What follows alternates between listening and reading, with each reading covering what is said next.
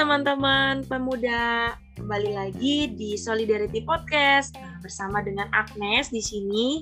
Nah, teman-teman pemuda, uh, karena temanya sedang bulan keluarga ya, jadi ada keluarga yang begitu harmonis yang pastinya menjadi sorotan ya bagi teman-teman pemuda yang ingin berkeluarga atau sudah berkeluarga gitu ya. Nah, di sini ada keluarga Kadimas ya beserta sang istri yaitu ada Kak Febe ya dan ada juga Kayon nih ya mungkin tidak terlihat uh, di layar karena kan kita hanya suara aja gitu ya. Nah podcast kali ini ya dengan temanya ini adalah uh, Circle of Strength. Ya, jadi uh, kekuatan keluarga nih ya teman-teman. Nah langsung aja kita panggilin di sini ada Kak Dimas dan juga ada Kak Febe. Halo. Halo halo. Selamat malam. Halo. Semuanya. Halo. Nah gimana nih kabarnya Kak Dimas dan Kak Febe berserta Kayon?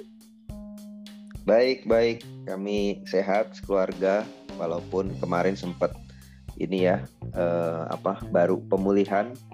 Kita eh, terdampak ini ya series of penyakit dari yang pertama Karahayon kena COVID, terus COVIDnya menular ke kami, ke aku sama Febe, habis itu eh, Karahayon kena flu Singapura, baru sembuh, terus bulan berikutnya lagi kena uh, campak, campak Jerman. Jerman. Iya, Wah. jadi ini jadi bertubi-tubi ya. Bertubi-tubi. Ini baru aja banget uh, menikmati apa ya kesehatan. Kesehatan yang alami gitu ya Kak Dimas iya. Wah ternyata berarti awalnya dari Kar Karahayon dulu gitu ya. Baru iya. ke papa mamanya dan berarti sekarang ini sudah sembuh sudah sehat kembali ya Kak Dimas dan Kak Febe untuk Karahayon. Iya puji Tuhan Wah, puji Tuhan. Nah, gimana nih Kak Dimas ataupun Kak Febe pengalaman atau aktivitas yang paling dinikmati bersama keluarga mungkin di tengah pandemi atau di tengah sakitnya kemarin nih? Hmm, yang dinikmati selama pandemi ya? Iya. Mungkin cerita dulu kali ya. Jadi Boleh. kan kami kan menikah ini dua tahun ya dua tahun dua tahun November 2000 eh sorry eh, Desember. Desember. Desember. bulan nih ya. November nikah sama siapa? Sama siapa nih? Desember 2020 ya benar. Berarti Kirain mau salah lagi tahun. Aduh. Berarti ini mau Iya, mau dua tahun nih Desember 2022 nih apa dua tahun. Nah kami memang menikah di sudah di masa pandemi ya dulu kan pandemi uh -huh. pertama masuk ke Indonesia tuh kan Maret ya Maret 2020. Jadi kami memang uh, bergumul cukup uh, banyak ya terkait rencana pernikahan kami, terkait tanggalnya, lokasinya, konsepnya seperti apa, undangannya siapa aja karena dalam situasi pandemi. Tapi ya puji Tuhan bersyukur akhirnya kami bisa melangsungkan pernikahan kami ya di bulan uh, Desember 2020 tentu dengan uh, protokol kesehatan yang waktu itu masih sangat uh, ketat ya. Waktu terutama waktu pemberkatan juga uh, sangat terbatas sekali. Kemudian uh, ya kami nggak dibilang resepsi bukan juga sih jadi cuma makan malam keluarga aja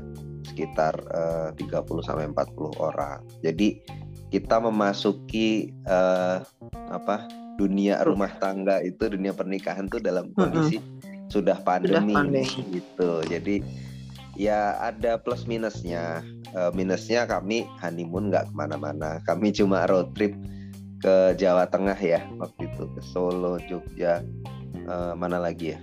Dieng Salatiga dan sekitarnya walaupun sebenarnya itu ya trip mengunjungi keluarga aja sih keluarga besar. Jadi lebih ke pulang uh, kampung gitu ya? iya. Iya pulang kampung. Ya sebenarnya nganterin uh, mama saya sih ke Solo. Pulang setelah kalian jalan-jalan. mm -mm, gitu. Nah itu ya mungkin agak berbeda ya. Uh, tapi kalau senangnya uh, menikah atau memasuki dunia pernikahan di masa pandemi satu kami memang waktu itu ya berharap gitu ya mendoakannya tuh pernikahan kami tuh nggak suka yang gede-gede gitulah ya yang rame. Intimate ya. iya betul. Kan lagi ngetren ya intimate wedding. Nah itu jadi tergabul tuh. Uh, tergabul. Karena kalau enggak kan uh, ya kami kan keluarga besar gitu ya keluarga besar banyak. Jadi kalau nggak pandemi mungkin nggak tercapai itu impian kami yang bisa intimate wedding gitu kan yang ala ala apa kayak ke barat-baratan gitulah ya terus habis itu sama ya otomatis budgetnya bisa ditekan ya kan kan pandemi. Betul banget. Hmm, jadi uh, jadi ya bersyukur gitu ya masuk ke uh, apa memulai rumah tangga uh, masih ada lah gitu. Uh, tabungan gitu nggak semuanya habis untuk menikah. Hmm, lalu yang ketiga karena pandemi juga uh, kita lebih sering WFA jadi ya seneng gitu kan ya pengantin baru di rumah di terus rumah terus gitu. Apa uh, apa nggak nggak apa nggak pergi ke kantor gitu. Waktu itu apalagi Febe masih full WFA ya. Ya. Iya. Hmm, aku waktu itu pada waktu itu masih puncak-puncaknya pandemi uh, cuma masuk tuh dalam sebulan cuma satu minggu ke kantor sisanya di rumah. Nah jadi ya itu mungkin yang uh, ini ya uh, sisi positifnya. Nah berarti nah, itu pengalaman yang paling di, dinikmati gitu ya Kak Dimas sama Kak Febe. Iya betul. Dan kan di masa-masa awal pernikahan kan juga kita banyak penyesuaian ya. Karena kan sebelumnya mungkin eh, nggak uh, pernah tinggal bareng terus belum satu bareng. iya pengenalannya kan juga terbatas ya apalagi kami dulu LDR lima tahun kan Wah. aku mm -mm, jadi begitu satu rumah pasti banyak banget tuh surprise surprise-nya gitu kan. Oh ternyata ngorok lah, ternyata kentutnya baunya gini lah gitulah oh, gitu kan. Jadi banyak sekali hal-hal yang menarik gitu. Jadi uh, proses pengenalannya jadi lebih cepat karena kan lebih intens ya kan? 24 jam di rumah gitu. Kalau kalau di kantor kan eh, kalau sama-sama ke kantor kan mungkin waktunya juga terbatas. Pulang udah malam udah capek. Udah capek istirahat langsung ya. Iya. Jadi itu mengkompensasi waktu-waktu yang kami dulu LDR gitu ya. Jadi penyesuaiannya jadi lebih cepat itu sih pada saat ini jadi uh, berarti ini pandemi ini membawa dampak yang ada positifnya juga ya Kak Dimas dan Kak ya jadi perubahan yang gak hanya ibaratnya negatif tapi ada juga positifnya lah ya yang bisa diambil mm -hmm. Nah, ini berarti sudah mewakili pertanyaan dari apa perubahan yang paling dirasakan keluarga sebelum dan setelah pandemi juga ya. Berarti ya. Iya. Ya, berarti ya. dari KPB sendiri juga sama apakah perubahannya yang paling dirasakan juga sama? Iya, sebenarnya nggak jauh beda sih ya. Uh, paling sih kalau sebelum pandemi ya, yaitu tadi karena kita belum nikah, mungkin kalau dalam konteks keluarga belum kebayang ya perubahannya apa karena ya itu tadi kata seperti yang tadi disampaikan Mas Dimas kan memang masuk batra rumah tangga atau kehidupan berkeluarganya juga udah dalam kondisi pandemi jadi nggak nggak nggak nggak mungkin nggak bisa menjawab juga nih perubahan apa yang dirasakan sebelum pandemi versus setelah pandemi sebagai keluarga. Cuma kalau misalnya eh, apa namanya tanpa melihat konteks keluarga tentunya dulu eh, lebih banyak uh, masih ada apa lebih punya banyak kesempatan untuk mungkin kelu uh, bepergian gitu ya keluar rumah. Tapi setelah pandemi tentunya frekuensi bepergian keluar jadi berkurang lebih banyak di rumah. Itu tadi jadi malah lebih banyak quality time-nya lebih banyak bonding time-nya juga uh, yang which is uh, good ya karena kan uh, apa keluarga baru gitu. Mungkin juga um, lebih banyak aktivitas online lah ya. Itu kan pasti semua juga mengalami ya. Yang tadinya banyak offline activities jadi langsung berubah drastis semuanya berangsur uh, pindah gitu ya uh, platformnya ke online. Sama apa namanya uh, tentunya karena pandemi ini mau nggak mau jadi makin mungkin uh, perubahan yang ini juga makin lebih concern lagi sama asupan makanan ya. Jadi kayak lebih menjaga kesehatan lebih menjaga imun jadi nggak sembarangan gitulah untuk konsumsi. Karena yang paling eh, konsep kunci untuk menghadapi pandemi kan memang kemarin juga uh, kita juga sama-sama dengar ya apa anjurannya untuk menjaga imun tubuh ya daya tahan tubuh ya itu salah satunya yang lewat apa namanya uh, asupan gitu. Paling itu sih kalau uh, yang lebih general ya nggak nggak nggak dalam konteks keluarga gitu sih ya paling menambahkan Febe ya justru justru sekarang kita bersiap-siap transisi untuk memasuki masa pasca pandemi ya. Karena kan mm -hmm. sekarang kayaknya udah mulai aktivitas kembali normal ya. Kayak ya, PB sekarang berangsur-angsur normal hmm, iya. PB juga udah uh, ada jadwal masuk kantor walaupun belum full. Aku juga lebih sering ke kantor. Karahyon juga sekarang udah di daycare. Jadi justru kita uh, transisinya justru ke situ.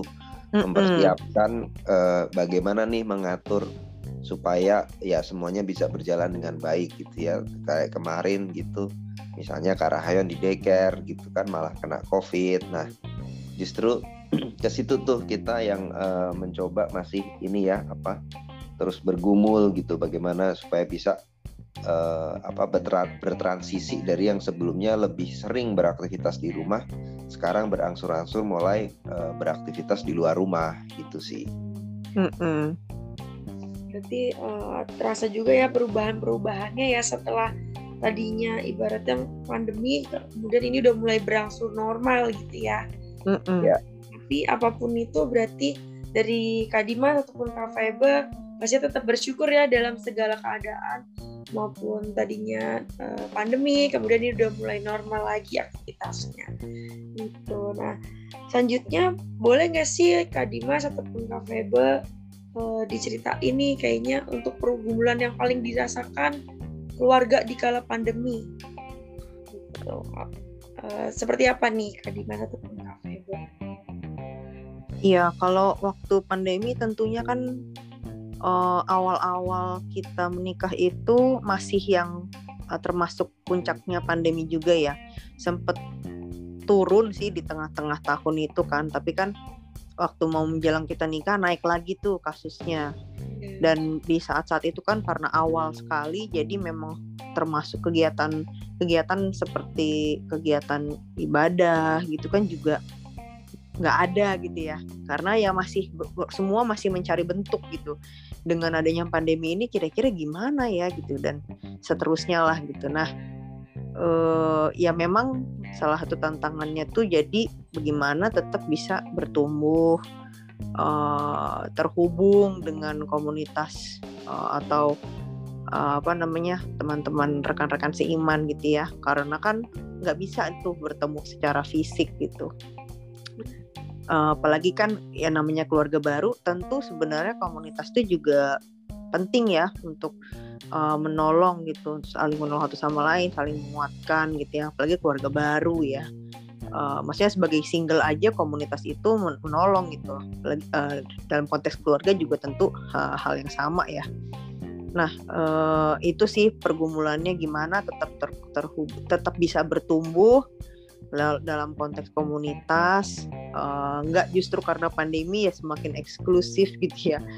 Lalu uh, pergumulan yang lain ya sebagai keluarga ya gimana caranya tetap memperhatikan uh, orang-orang di sekitar kita ya itu tadi termasuk keluarga kita sendiri juga di luar keluarga inti ya. Maksudnya ini kan aku sama Mas Dimas sebagai keluarga baru tapi gimana kita tetap memperhatikan anggota keluarga lain yang mungkin sudah terpisah, terpisah jarak kan ya. Misalnya kalau orang tua aku orang tua Mas Dimas uh, dan juga mungkin teman-teman yang lain di saat pandemi yang uh, apa namanya kita kan dulu istilahnya saling menjaga dengan tidak mengunjungi satu sama lain dan seterusnya gitu ya itu yang mungkin juga challenging ya maksudnya uh, gimana kita bisa merhatiin tapi nggak nggak ketemu gitu. gak ketemu iya. Iya itu Lagi sih kan apalagi mm -mm. kalau komunikasi kan biasa enaknya secara langsung gitu ya. Betul.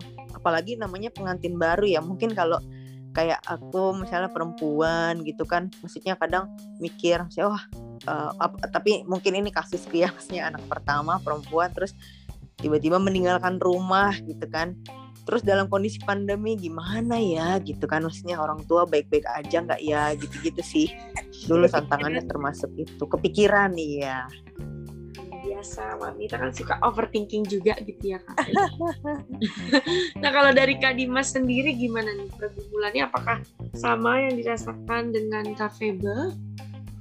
Ya paling nambahin ya. Jadi kalau kami lihat ke belakang ini ya kita kan tadi ya hampir dua tahun menikah. Itu kami merasanya kayak roller roller coaster gitu ya. Jadi kami kan menikah di bulan Desember.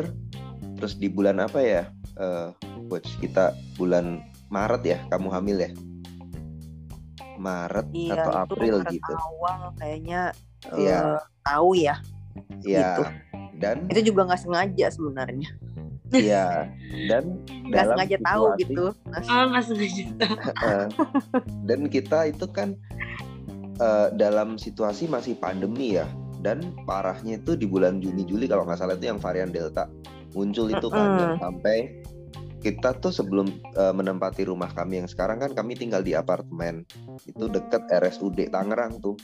Hampir setiap sekian jam itu suara ambulan terus di sana juga penuh. Waktu itu kan sangat mencekam ya situasinya. Jadi iya. itu cukup eh, ini ya kami benar bergumul sih dalam situasi. Sedang nggak malam nggak subuh ya bunyi ambulans iya iya. Eh, kami juga bingung nanti proses persalinannya gimana. Waktu itu sempat eh, untungnya dapat vaksin juga ya waktu itu eh, untuk Iya. ibu hamil juga vaksin dan setiap bulan kan kami harus kontrol ke rumah sakit ya itu kami udah setiap kali kontrol tuh udah dak dikduk tuh Iya. kita udah sampai pakai double masker terus pakai face face shield, shield gitu. zaman dulu Iya. Iya, jadi benar extra measures banget lah gitu sampai dokternya bilang ya bagus kalian pertahankan ya seperti ini. Jadi pergumulannya tuh lumayan eh, apa ya? Ya bisa dibilang kita benar-benar eh, ya kalau dibilang khawatir ya wajar lah ya manusia gitu ya khawatir nanti proses persalinannya di mana di rumah sakit gitu kan covid harus harus kalau nggak salah dulu harus PCR dulu ya Coach ya Iya, kalau mau harus PCR Mm, harus kalau- terus nggak boleh kena covid sebisa mungkin apalagi Iya. menjelang persalinan karena risiko ditolak rumah sakit itu besar Iya. jadi gimana caranya maksudnya kita kan harus kita sebisa mungkin menjaga diri ya tapi kayak bentar-bentar dengar wah si ini kena covid. Makin lama makin deket ke circle kita gitu. Nah Iya. ya. mungkin kita juga pernah ngobrol ya soal ini ya dulu ya. Iya, betul di GG gitu. Ih, kok dulu yang kita nggak kenal gitu ya orang-orang yang kena covid eh, nama-namanya kita nggak tahu siapanya siapa siapanya siapa masih jauh gitu lah ya. Tiba-tiba ih udah temen aku udah kena saudara aku udah kena. Jadi kayak wah ini makin deket nih gitu. Itu sih Nas dulu ya Iya, betul betul. Ini sempat kita ngobrol juga ya waktu pas di GG ya. iya bener Hmm. gitu ya Mas ya jadi kayak Iya, gimana dan caranya ya bahkan ada nama-nama ya ya rekan-rekan kita yang pada akhirnya ada juga yang meninggal gitu. Jadi iya waktu itu bener-bener kayak wah Mencekam. ini iya dan waktu itu nggak tahu ini akan bakal jadi seperti apa. Apakah akan semakin parah atau seperti apa. Jadi mencekam sih bener. Mungkin kalau dicari istilahnya apa yang menggambarkan situasi pada waktu itu ya betul. Memang mencekam gitu ya. Sekarang kan kita udah mulai agak-agak ini ya. Ya Udah udah mulai recover gitu ya. Tapi pada waktu itu benar mencekam gitu. Belum lagi ngebayangin oke nanti anaknya udah lahir gimana nih? Kalau mau misalnya vaksinasi atau kan yang namanya anak baru lahir pasti ada lah ya misalnya nanti dikunjungi siapa keluarga atau apa gimana gitu kan. Itu iya dulu itu udah juga tuh. penuh penuh dengan apa ya skenario skenario membayangkan kalau ini gimana nanti gimana gitu. Dan karena belum kebayang di titik hari ini ya di mana oh covidnya udah mulai mereda karena waktu dulu kayaknya nggak ke- nggak ada endingnya gitu. Iya, masih Iya. Kayaknya nambah terus, naik terus. Iya, Ada variannya ada varian baru. Iya, Heeh. bikin parah. Iya sih, betul-betul. Itu jadi juga pasti- kebayang tuh dulu tuh Nas kayak Oh. anak ini nanti kalau lahir akan ada di dunia yang seperti apa ya Nah, itu kami juga ada concern juga. Ini anak nanti sosialisasinya bagaimana gitu kan? Iya. Nanti ini jadi anak pandemi gitu kan statusnya. Aduh, iya. Itu jadi ya itu lumayan ya dua tahun pertama pernikahan kami cukup eh, ini ya kami banyak pergumulan gitu kan. Terus kami juga kan merencanakan ini ya pindahan rumah gitu. Jadi banyak hal yang telah terjadi selama dua tahun ini ya hampir dua tahun ini gitu ya proses kehamilan lalu Karayan lahir kami pindahan rumah gitu VB mulai kantor jadi ya itu apa namanya dalam semua proses itu tentu kami meyakini ya mengimani ya pasti Tuhan juga akan menolong gitu ya melewati semuanya itu gitu sih. Berarti dari segala pergumulan yang ada, berarti dari Kak Dimas ataupun Kak Febe merasakan kehadiran Tuhan nyata kah dalam pergumulan tersebut? Kak Dimas atau Kak Febe? Iya. Iya tentunya. Mm -mm. Rasakannya bahwa ya sebenarnya semuanya juga dilancarkan satu persatu juga terselesaikan yeah. gitu ya Kak Dimas. Iya, iya. Ba banget sih. Kadang kita sering ngobrol ya, aku sama Febe gitu kayak, wah eh, akhirnya lewat juga ya kalau kita ngelihat ke belakang gitu ya. Akhirnya proses lahiran bisa lancar sesuai dengan harapan kita. Jadi kan Febe dulu pengennya tuh persalinan secara Normal ini ya. Ya, ya. Gitu. Mm -hmm di dan di tempatnya juga spesifik Febe tuh pengennya di Tembuni itu ya Waduh, bawa brand birds gitu ya di Kemang jauh endorse tempatnya. ya oh endorse ya iya jadi tempatnya jauh jadi memang kayak hampir semuanya ini ya apa ya dalam tanda petik kayak cek gitu ya bucket iya. listnya iya. gitu di dokternya juga pas dapat itu juga prosesnya waduh kalau diceritain sendiri bisa satu jadi ya. satu sesi sendiri tuh pas mau lahirannya itu jam, iya. jam berapa ya? Kita berangkat jam 9 malam. Terus sampai sana nggak ada kamar gitu kan. Dan itu sampai uh, di perjalanan sempat didoakan sama pendeta Gloria juga ya. Mm -hmm. uh, Bu Gloria telepon terus didoakan di jalan. Sampai sana uh, di tempat klinik itu belum bisa karena baru bukaan tiga. Kita akhirnya nginep di hotel di dekat situ gitu kan. Supaya nggak bolak-balik jauh supaya nggak bolak-balik. Mm, jam 12 itu baru dapat eh, hotel. rumah sakitnya eh sorry kliniknya yang jauh. Kliniknya. Terus jam 3 pagi Febe udah nggak tahan dibawalah ke sana. Tapi kamarnya juga penuh. Akhirnya Febe ditaruhnya di ruang uh, klinik buat praktik ya. Praktik dok dokter gitu buat Untuk ruang periksa. ngecek. jadi bukan mm -mm, jadi bukan kamar persalinan tuh. Dan akhirnya juga melahirkan di situ tuh jam 5 pagi gitu. Wah kayak tapi, kursi dokter praktik dokter gigi gitu nas. Mm, kayak iya orang... jadi bukan kayak tempat bersalin gitu. Agak-agak drama juga waktu itu. Ya agak kesulitan juga ya waktu itu ya. Iya. Sampai Dan, harus tempat yang memang bukan buat tempat persalinan gitu ya. Iya, dulu sampai bercanda waktu sama Kak Gloria teleponan gitu ya. Iya, iya nih Kak Glo jadi inget bayi Yesus dulu nggak dapet tempat lahir. kayak gitu saking bener-bener full gitu dan memang sistemnya kliniknya nggak bisa booking. Iya. Uh, jadi ya memang yang datang duluan dan memang uh, fase bukaannya sudah hampir akhir itu yang ditolong pertama oleh dokter. Hmm. Nah itu makanya kenapa aku nggak dapet kamar karena ibaratnya fase bukaannya masih awal dan ada pasien lain yang datangnya selisih sama aku dikit tapi udah bukan 10 Iya. Gitu. Ya udah deh jadi beliau dapet kamar uh, yang memang udah cadangan cadangannya gitu ya terus ya udah aku di itu di apa namanya dikasih ruangan yang ruangan praktiknya gitu. Cuma apa yang tadi aku tanya gitu ya gimana keluarga merasakan kehadiran Tuhan?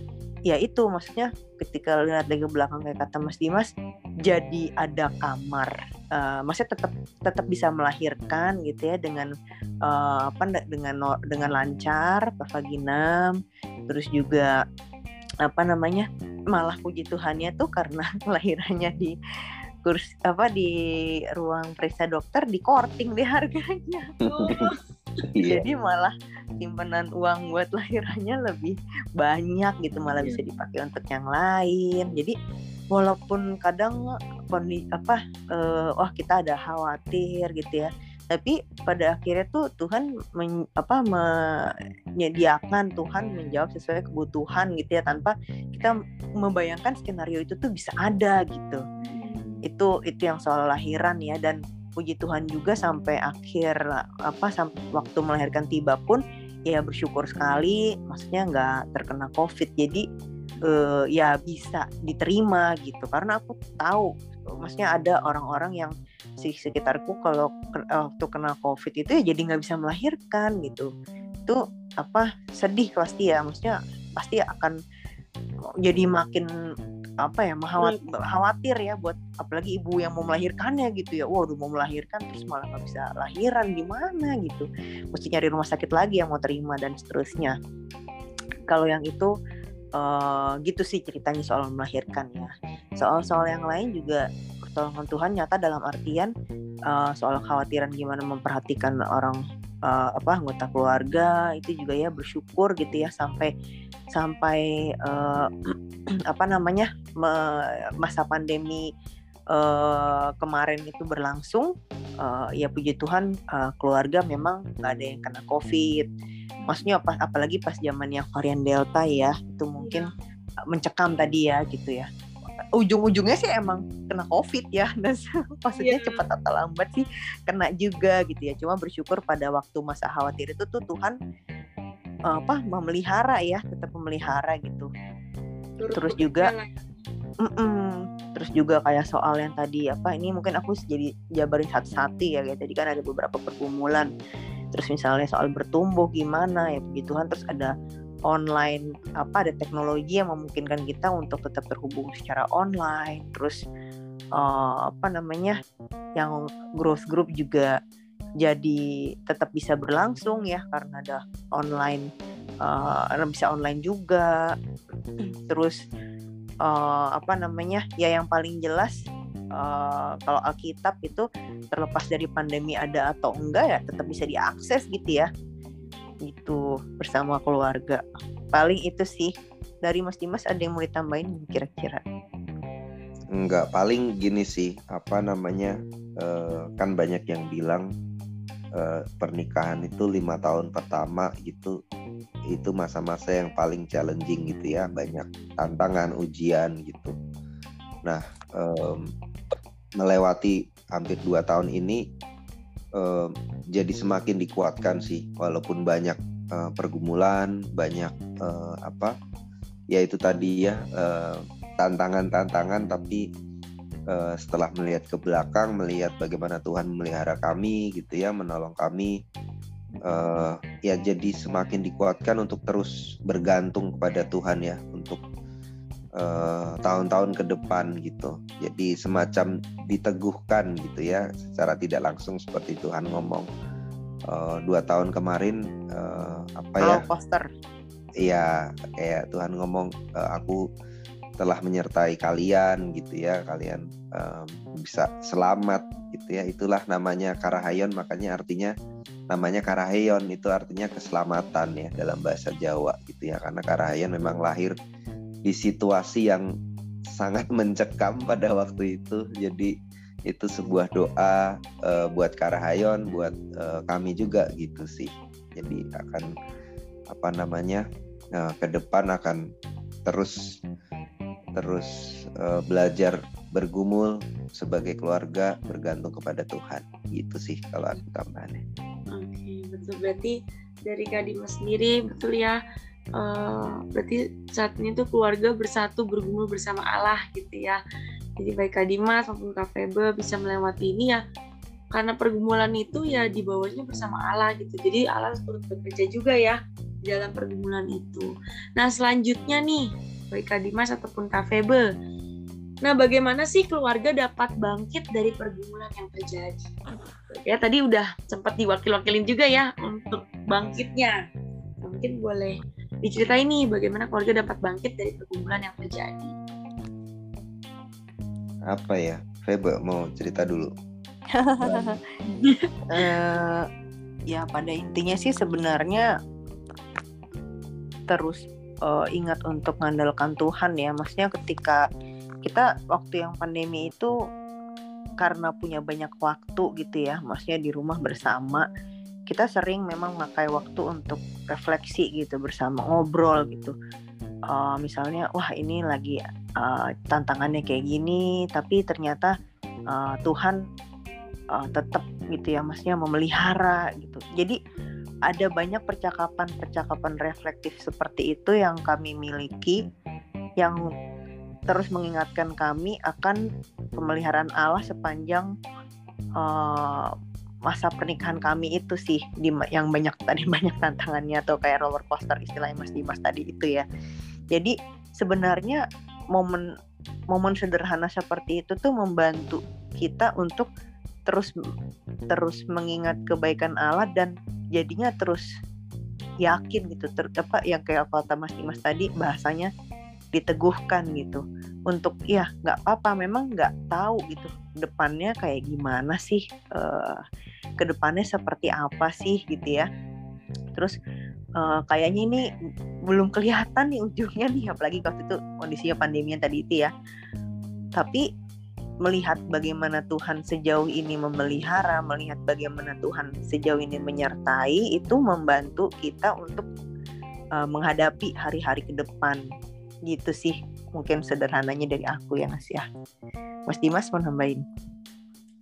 Hmm, enggak sih, cuman apa kan tadi ya bangkit dari pergumulan berarti kan kalau bangkit kan berarti pernah dalam situasi yang kita terjatuh gitu ya terpuruk nah, apa tuh? jatuh mungkin kalau ini pergumulan kami juga ya sebagai keluarga kadang-kadang situasi pandemi ini membuat kita terutama dalam konteks ini ya ibadah ya ibadah hmm. atau uh, eh, HPDT ya hubungan pribadi dengan Tuhan karena semua semuanya online semua semuanya mudah dijangkau ini kadang kita jadi kurang disiplin sih.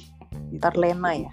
Terlena kayak misalnya kebaktian minggu gitu ya kadang oh iya ini nanti deh kan masih ada nanti yang jam segini nanti deh nanti aja jam segini jam segini gitu nanti bisa diputar ulang gitu gitu misalnya.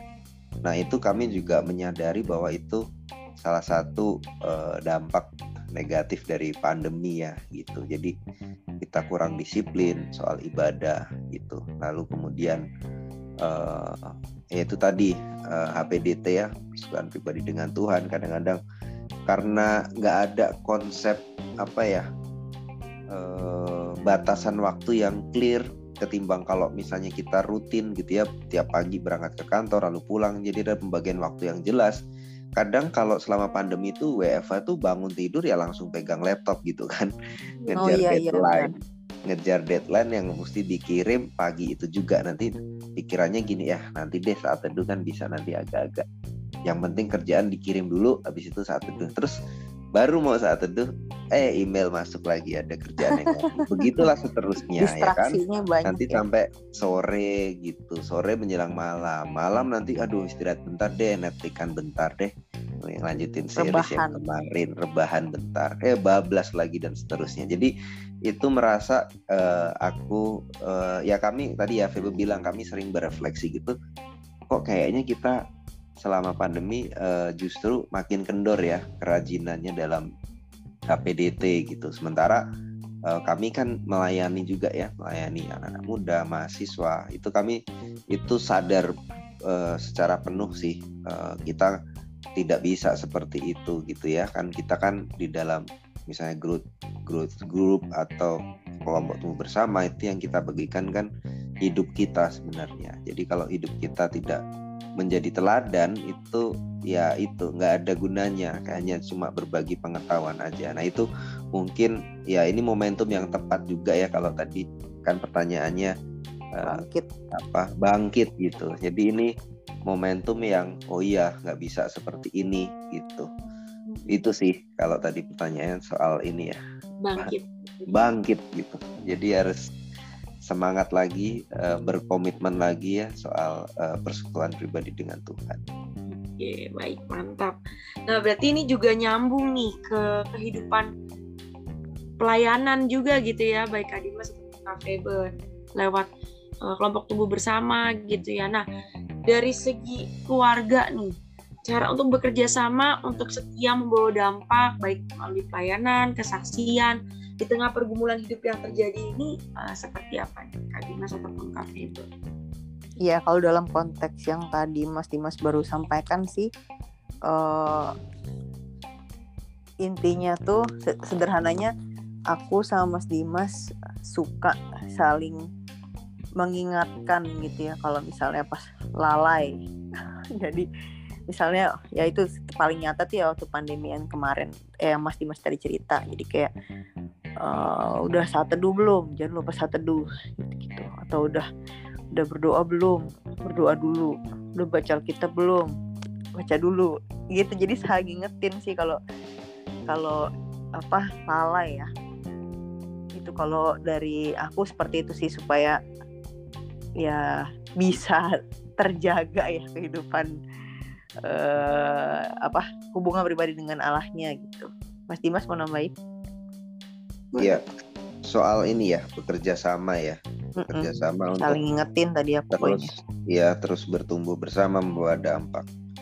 Ya bersyukurnya aku sama Febe bisa uh, pelayanan bareng ya uh, melayani mahasiswa gitu ya di apa navigator gitu. Jadi bisa saling mensupport satu sama lain satu sama lain gitu ya. Contoh sederhananya misalnya uh, ya kalau misalnya Febe harus pelayanan gitu ya ya nanti apa uh, aku yang handle Karahayon misalnya atau hmm, sebaliknya. iya.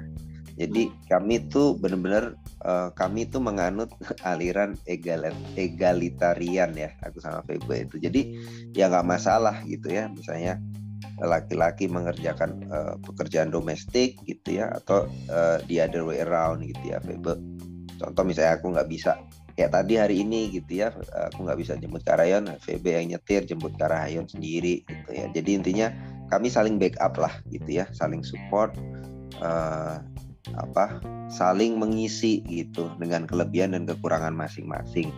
Sama tentunya ya tadi itu uh, apa tetap menjalankan perannya ya.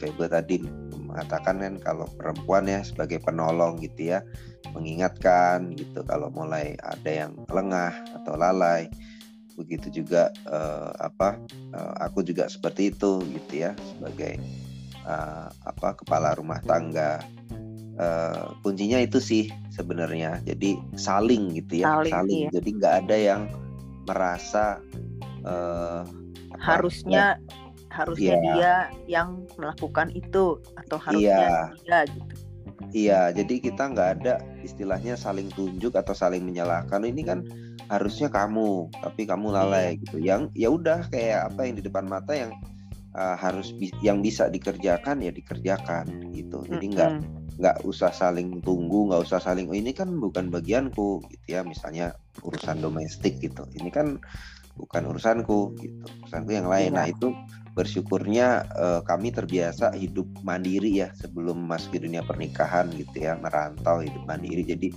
terbiasa ya ya mengurus uh, diri sendiri gitu. Jadi ini hal yang uh, disyukuri juga gitu ya bisa saling bekerja sama dalam semua hal gitu ya dalam pelayanan dalam bahkan pekerjaan gitu ya pekerjaan kalau bisa saling bantu pekerjaan kantor artinya gitu ya. Kadang aku juga minta uh, bantuan Febe minta masukan dari Febe begitu juga Febe cerita uh, ininya kerjaan di kantor gitu dalam pelayanan tentunya gitu. Um, banyak hal sih dalam hal mengasuh anak gitu. Uh, itu kami benar-benar uh, berbagi peran sih di situ. Iya. Paling hmm. kenapa Nas kerjasama yang sangat harmonis gitu ya. Iya sebenarnya ada salah satu pernyataan yang maksudnya Mas Dimas tuh selalu ngomong ya. Jadi aku selalu ingat dan pegang juga Mas.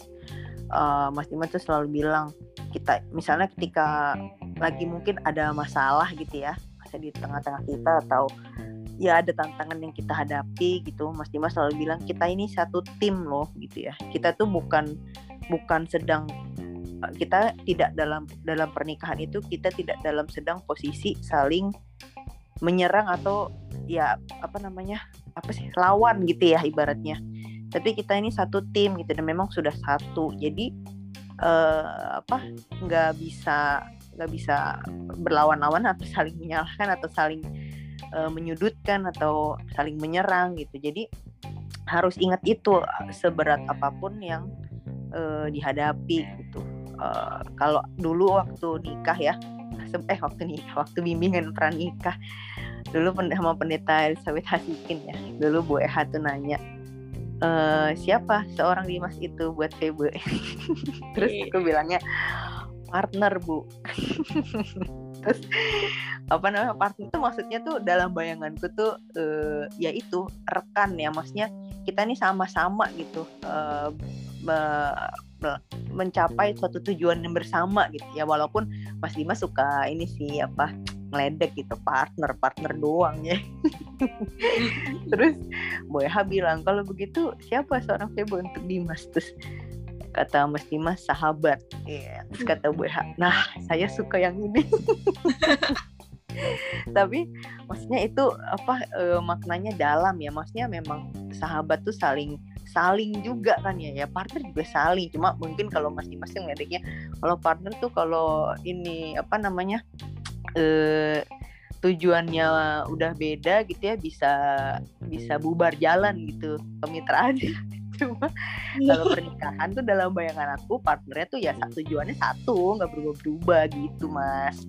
Jadi ya balik lagi masih satu konsep sama tadi yang Mas Dimas bilang. Maksudnya kita satu tim nih satu satu ibarat satu apa ya ya itulah maksudnya kita ber, menghadapi ini bersama-sama nggak nggak sendiri-sendiri. Makanya eh, yang tadi Mas Dimas kata kunci yang tadi kita bilang saling itu penting ya. Maksudnya eh, apa namanya kita harus jalannya bareng gitu.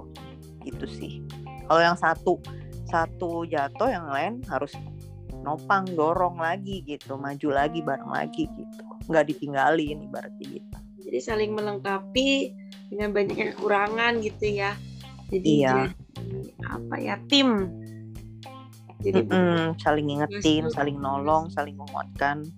Ini bukan lagi tugas kamu tugas aku tapi ini kita gitu ya tim. Betul sekali. Nah mungkin terakhir nih ada tambahan dari Kak Dimas. Mungkin dalam bekerja sama untuk setia. Hmm, tambahan ya.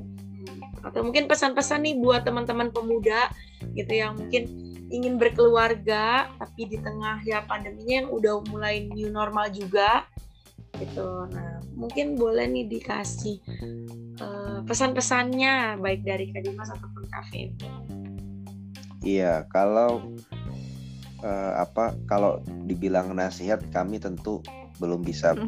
banyak yeah. bercerita ya kan kami menikah juga belum genap dua tahun untuk Betul. lebih banyak keluarga-keluarga yang bisa memberikan apa ya bercerita tentang kisah perjalanan rumah tangganya ya ada yang sudah menikah mungkin 20 tahun 30 tahun gitu ya dan mereka juga setia dalam ini ya bertumbuh sebagai keluarga Kristen gitu tapi mungkin yang bisa kami bagikan um, ya itu tadi sih. Sebenarnya kami udah cerita di awal tadi ya. Um, banyak hal yang uh, kami pelajari bersama ya aku sama Febe. Melalui pernikahan ini kami uh, jadi mengenal Tuhan lebih dalam lagi lebih nyata gitu ya. Melalui pengalaman-pengalaman yang nyata juga dalam hidup kami gitu ya. Jadi semakin mengenal oh oh iya kita selama ini tahu Allah itu eh, Allah yang memelihara, Allah yang mengasihi gitu ya, Allah yang menyertai gitu ya. Tetapi dalam kehidupan pernikahan kami merasa itu semakin nyata gitu ya, semakin nyata. Dan uh, dulu ada istilah ini ya, pernikahan itu adalah laboratorium uh, apa kasih gitu ya. Di situlah tempat kita benar-benar secara nyata belajar dan mempraktikkan kasih gitu. Karena bayangkan dua orang yang sebelumnya apalagi aku sama Febe kan sebelumnya nggak saling kenal ya. Maksudnya artinya bukan teman sekolah bukan teman kuliah. Kemudian, bukan teman kerja. Bukan teman kerja gitu ya. Uh, ya kenal karena itu ya waktu itu ikut program Indonesia mengajar. Lalu berkomitmen ya kan berjanji di depan uh, jemaatnya untuk saling mengasihi ya kan? Setia sampai mati. Bahkan uh, kalau kita melihat ini ya uh, di Alkitab kan yang pria laki-laki tuh harus mengorbankan dirinya sama seperti Kristus berkorban bagi jemaatnya. Nah itu nggak gampang loh gitu kan? Ya jadi um, kalau mau memang belajar kasih secara real dan nyata ya di pernikahan inilah tempatnya gitu ya. Uh, dan kami juga dua tahun ini benar-benar merasakan itu sih pasti ada ya up and down gitu ya. Selisih paham itu udah pasti gitu ya. Tetapi bagaimana uh, kita bisa tetap mengasihi pasangan kita sama seperti uh, Kristus mengasihi kita gitu. Pasti ada sih sebel-sebelnya jengkel-jengkelnya gitu ya Pepe. Oh ada mas. pasti enggak enggak enggak ya kamu kamu kayak mungkin sebel sama aku gitu kan ngambek gitu. Ngambek-ngambek manja gitu ya. itu pasti ada ya aku uh, sadar diri sih. Iya. tapi tapi bagaimana bisa tetap ya at the end kita tuh belajar ya uh, kalau kita lagi selisih paham gitu most of the time itu selesai sebelum hari berganti. Ya kita banyak selisih paham ya hal-hal tentang uh, pengambilan keputusan atau apa atau ini itu gitu. Tapi kita selalu berusaha selesai sebelum hari berganti dan kita selesaikan dengan baik-baik gitu. Jadi, iya. jadi um, itu sih uh, apa suka dukanya ya. Uh, dukanya ya lumayan uh, pasti ada gitu bu. Tapi mungkin bukan duka istilahnya ya apa tantangan-tantangan. Tapi uh, banyak juga hal yang disyukuri gitu ya sukacita yang muncul dalam pernikahan rumah tangga dengan hadirnya uh, anak ya Karahayon capeknya banyak ya kan. Begadang-begadangnya uh, pasti sangat melelahkan. Tapi di satu sisi melihat kenyataan bahwa oh ya kami dipercaya oleh Tuhan untuk bisa menjadi orang tua, eh, kemudian mendidik anak, eh, nantinya boleh mengenal Kristus itu juga eh, mendatangkan sukacita tersendiri bagi kami. Gitu sih. Jadi kami melihat pernikahan ini sebagai tempat untuk semakin bertumbuh ke arah Kristus, semakin serupa dengan Kristus dalam hal mengasihi dan secara bersama-sama juga berdampak keluar gitu ya. Kami percaya bahwa uh, keluarga ini adalah uh, unit apa ya uh, tempat di mana kita bisa secara tim uh, bisa melayani juga gitu ya uh, menjadi rekan sekerja Allah dalam hal pelayanan. Jadi bisa saling menopang. Jadi pelayanannya lebih bisa berdampak ketimbang kalau misalnya hanya sendiri-sendiri gitu sih.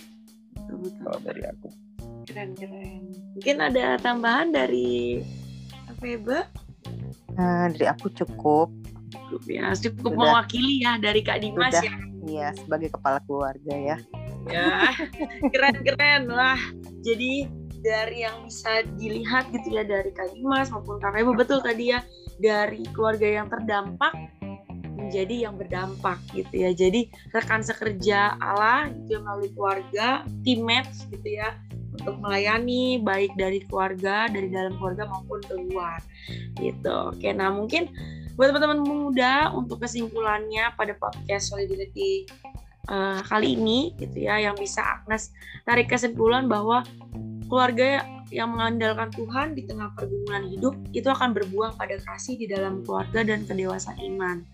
Kemudian keluarga itu perlu saling mendukung dan menguatkan dalam panggilan Allah bagi tiap-tiap anggota keluarga ya seperti Kadimat menjadi uh, rekan kerja juga uh, Kak Febe gitu ya saling melengkapi satu sama lain untuk mewujudkan misi Allah di tengah dunia tentunya gitu ya jadi kita juga jadi terinspirasi juga ya melalui sharing pergumulan ini bahwa ya pertolongan Tuhan itu bisa kita rasakan di tengah pandemi gitu. Jadi bisa diambil positifnya, jangan negatifnya aja gitu ya. Dan pastinya teman-teman muda juga ya jadi terinspirasi, terinspirasi juga ya dari sharing dari Kak Dimas, uh, Kak Febe gitu ya bahwa ya peran dalam keluarga itu sangat uh, berdampak gitu ya untuk menghadapi kesulitan yang ada dan pergumulan yang ada. Dan pastinya teman-teman pemuda juga jadi terinspirasi untuk menjaga kesatuan hati dan menjaga kasih kita nih di tengah keluarga gitu ya. Jadi bisa melayani juga keluar merespon panggilan Allah juga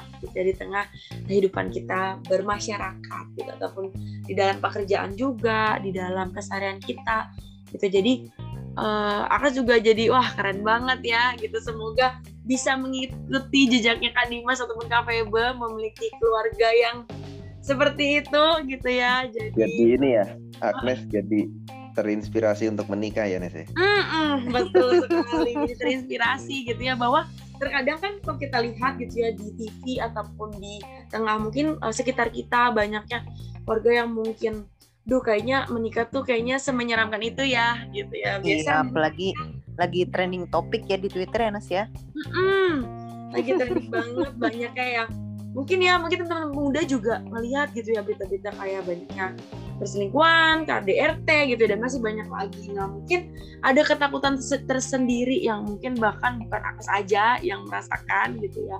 Nah mungkin teman-teman pemuda juga merasakan. Nah, makanya kita nggak boleh melihat yang dari sisi seperti itu gitu ya. Pastinya banyak juga nih warga yang mungkin harus mencari pasangan mungkin yang harus uh, pasti seiman dan juga sejalan sevisi misi gitu ya mungkin yang bisa diambil lah.